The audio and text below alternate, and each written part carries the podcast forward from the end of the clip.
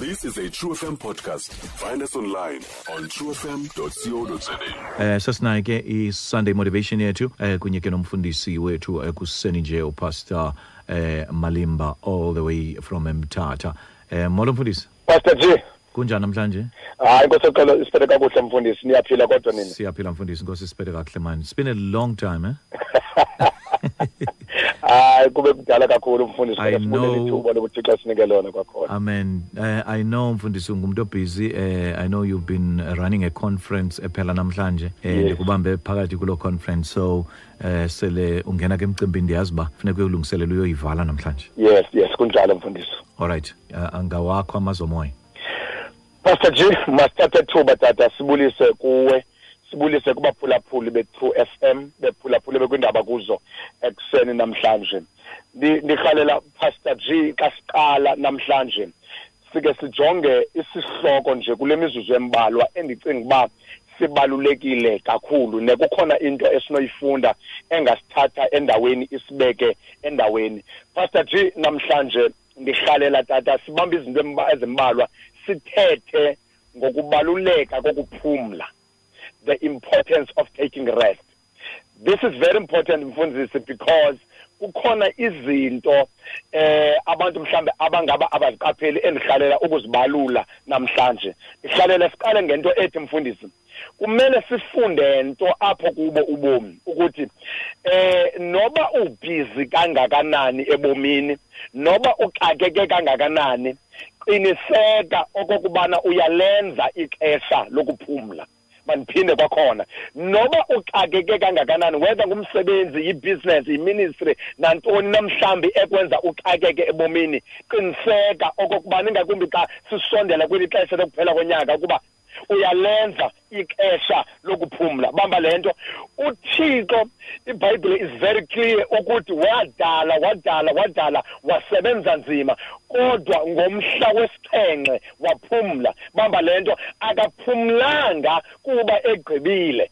Ngoba abantu abaninzi banento ethi ndawuze ndiphumle mhla ndawakha lo mzi. Ndawuze ndiphumle mhla yagcwala le cawe. Ndawuze ndiphumle mhla ndayiachieva le nto endifuna ukuyiachieva asiphumli kuba sigqibile siyagqiba kuba siyaphumla mandiphinde kwakhona. Apha ebomini asiphumli kuba sigqibile. Into eyenza sigqibe kuba simane sisenza amaxesha okuphumla. Ndifuna ubambe le nto ukuthi noba umbono uthixo akunikeze wona mkhulu kangakanani cacelwa yile nto ethi ilishwa lelokubana i-transport ezokuthatha kule ndawo okuyo ukuya kule ndawo ufuna ukuba kuyo ngumzimba wakho. Xa ungakwazi ukuwukhathalela umzimba wakho ngamanye amazwi ungaendapha ingenzekanga le family vision ingenzekanga le church vision ingenzekanga le business idea okanye plan of vision onayo. So it is very important ukuthi singabantu siyifunde indaba yokuphumla. Bamba le nto endidla ngoyithetha mfundisi ethi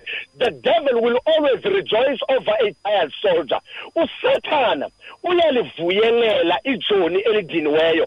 Kukhona imfazwe esiziluzileyo ebomini. Hayi ngoba besingenamandla sizilwe sikhathele kukhona izinto esiye sohlulakala kuzo apha kubo ubomi esibuphilayo. You know as asohlulakalanga kuba besingenamandla. Asohlulakanga because we no besingena enough wisdom. Kodwa zifike sikhathele ndibonile mna umntu you know ufense ukubana uzama impilo business uba evuka every day but akalenzi ixesha lokuphuma. Ithi seyiphumelela ibhizinesi xa iqala uba ibhizinesi idubula kanti yena uyengcwabeni ngoba nangona umbono wakho ubalulekile kodwa qiniseka okokubana uyalenza ixesha lokuphumla. Mhlawumbi sesisonga pastor g must understand something very important. Ukuthi that is why xa ufunda incwadi kamatthew chapter 11 verse 28 ibhayibhile ithi pha yizani kum nonke nina nibulalekayo nisindwayo ngumthwalo. I- ipromise yokuqala yesalvation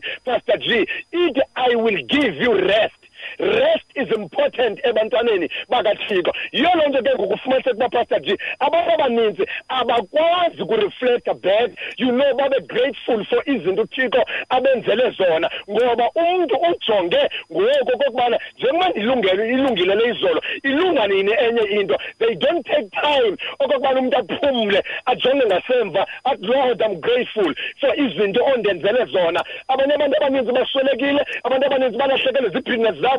During i-covid-19 kodwa mna undithwale kwaze kwalapha. It will take ukuphumla ukuze ukwazi ukuyiqonda loo nto. Again mhlawumbi phaa kumark chapter six verse thirty-one uyesu uthetha amazwi abaluleke abafundi bakhe.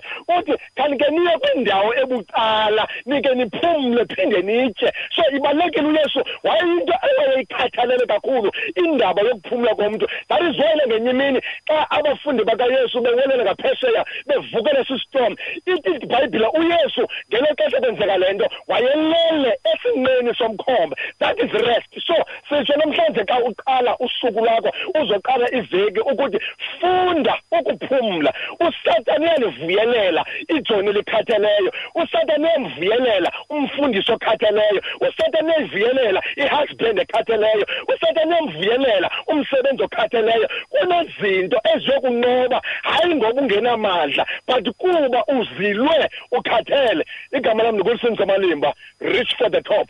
The bottom is overcrowded enkosi mfundisi. Thank you so much man of god. Sobana nakule veki zayo god bless you nkosi kakhulu mfundisi thank you so much right kumfundisi umalimba ke lowo all the way from emthatha Stream True FM online on truefm.co.za.